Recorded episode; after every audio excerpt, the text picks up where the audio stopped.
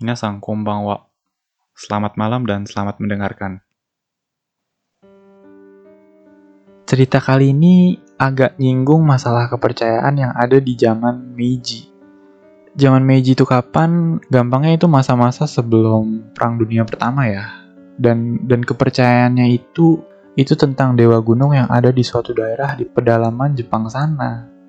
Katanya dulu di daerah itu sebelum masuk zaman Meiji nggak pernah ada yang namanya mayat ditemuin di tempat itu.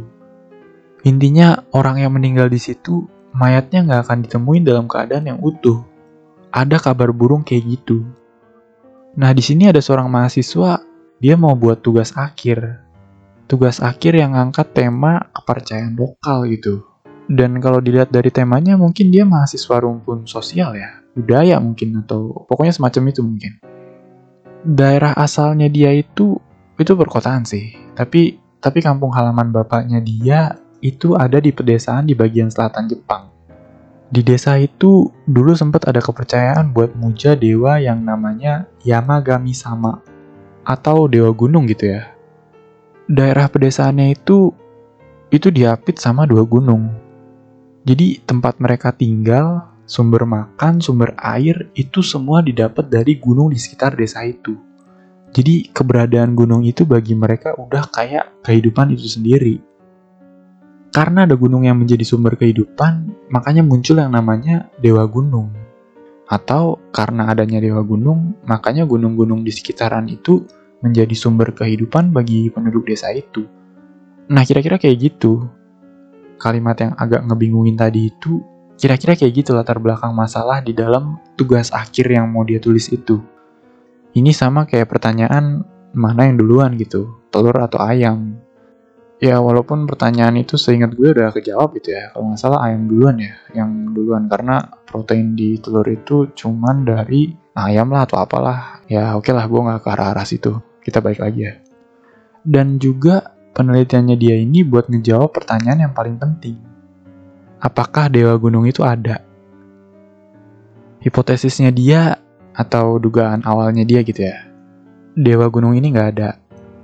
Itu cuma kepercayaan dari kumpulan manusia yang mereka mutusin hubungan mereka dengan dunia luar sampai muncul common sense yang kayak gitu. Lagian waktu itu pengaruh Buddha atau Shinto juga belum masuk ke dalam daerah itu. Dan rencananya dia mau datang langsung ke kampung halaman bapaknya itu dia mau ngumpulin informasi langsung dari penduduk setempat. Jadi dia dari kota naik kereta sampai ke kota di dekat dari pedalamannya itu. Terus dari situ naik bis sampai pemberhentian terdekat, terus lanjut naik taksi ke lokasi desa terpencilnya itu. Karena ada kenalan bapaknya di desa itu, dia nginep di rumah salah satu penduduk desa itu beberapa hari buat dia ngumpulin data tentang Dewa Gunungnya itu. Dia ngumpulinnya itu kayak nanya langsung ke penduduk sambil keliling desa, terus pergi juga ke tempat-tempat penyimpanan arsip gitu, terus nyari-nyari artikel atau berita apa pun lah tentang Dewa Gunung itu. Dan setelah dua hari dia ngumpulin data, dia jadi tahu beberapa hal. Yang pertama, dari kesaksian orang-orang yang pernah lihat, penampakan Dewa Gunung itu beda-beda, kecuali satu bagian ada yang ngelihat bentuknya itu kayak babi hutan gitu ya. Ada juga yang ngelihat bentuknya kayak orang. Dan ada juga yang ngelihat tuh dia itu punya sayap gitu. Tapi ada satu bagian yang mereka semua jawabnya kompak. Yaitu mukanya. Muka si dewa gunungnya itu.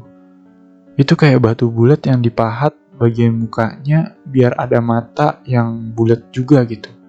Dan hidung, mulut, telinga, dan lainnya itu nggak ada. Seenggaknya nggak ada yang pernah lihat lah.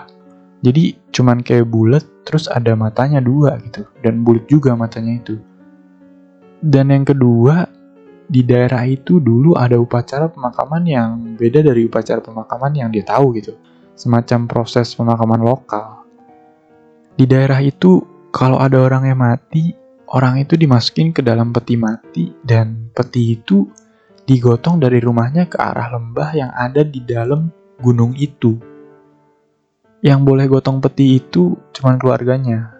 Dan selama digotong itu, mereka dikawal sama orang-orang sekitar yang kayak bawa lonceng gitu. Jadi itu diangkut sambil bunyi-bunyiin lonceng. Habis mereka sampai ke tepi lembahnya itu, peti yang mereka angkut itu itu dilempar ke dalam lembahnya itu. Dan lembah itu tempatnya dalam banget. Sampai petinya itu nggak kelihatan lagi.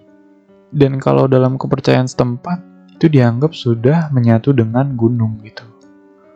Tapi lucunya, setelah penduduk setempat nggak ngelakuin upacara pemakaman itu lagi, dan mungkin karena pengaruh Buddha atau Shinto itu masuk ya ke daerah mereka itu, semenjak itu yang ngeliat dewa gunung itu udah nggak ada lagi. Apa karena udah nggak ada yang percaya lagi sama dewa gunung itu, jadi dia itu lenyap. Nah di sini anak ini makin yakin kalau dewa gunung itu nggak ada. Ini bisa jadi cukup bukti yang kuat kalau dewa gunung itu cuma sebatas kepercayaan.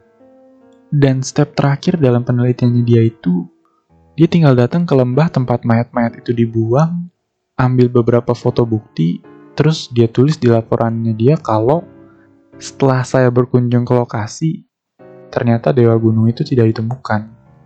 Ya kayak gitulah kira-kira. Akhirnya dia berangkat ke lokasi ya.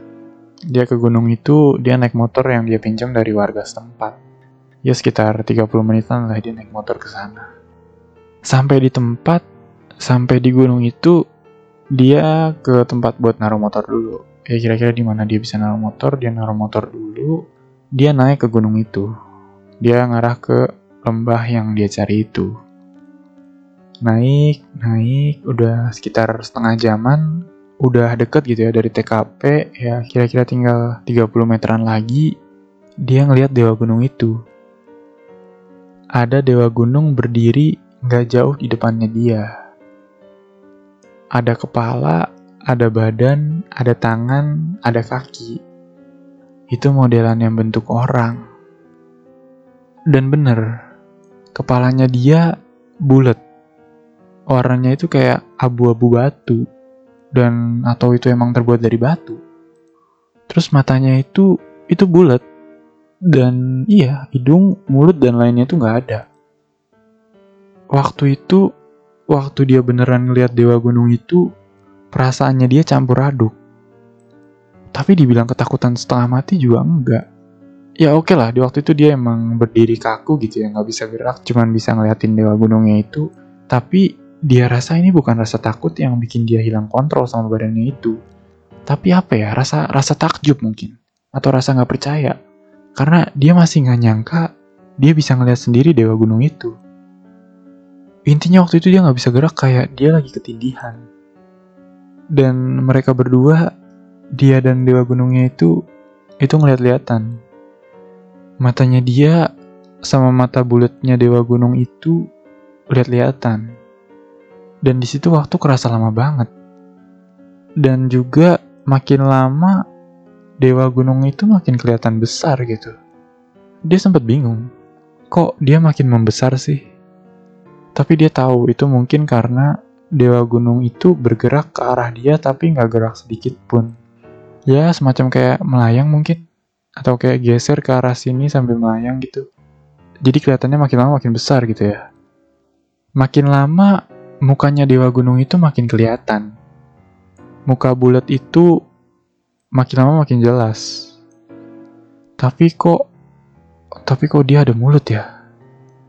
Dari info yang dia kumpulin Dewa Gunung ini nggak punya mulut. Dan dari info itu juga kayaknya nggak ada deh orang yang sampai disamperin sama Dewa Gunungnya itu. Mereka biasanya cuma ngelihat dari kejauhan atau dilihat terus Dewa Gunungnya itu hilang. Apa jangan-jangan Selama ini Dewa Gunung itu makanin mayat yang dilemparin ke dalam lembah gunung itu.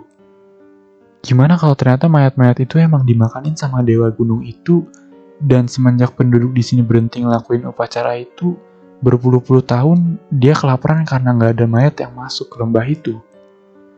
Gimana kalau sebenarnya sekarang dia, si anak ini, jadi pengganti mayat-mayat yang dulu disuguhin ke dia karena sekarang Dewa Gunung itu betul-betul dalam keadaan yang sedang kelaparan.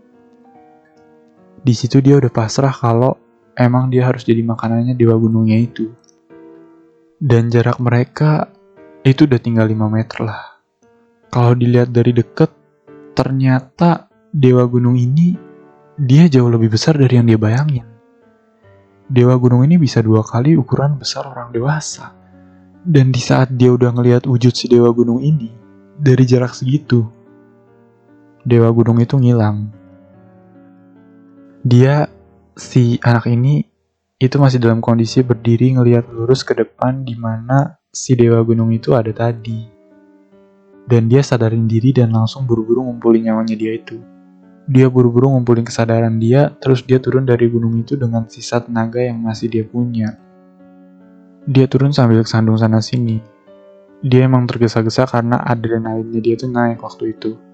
Tapi balik lagi, itu bukan karena dia ketakutan atau apa. Tapi karena dia pengen cepat-cepat nulis kesimpulan akhir dari penelitiannya dia itu. Dia pengen nulis di kesimpulannya kalau Dewa Gunung itu beneran ada. Dan kepercayaan lokal itu, itu merupakan sesuatu yang amat sangat menarik.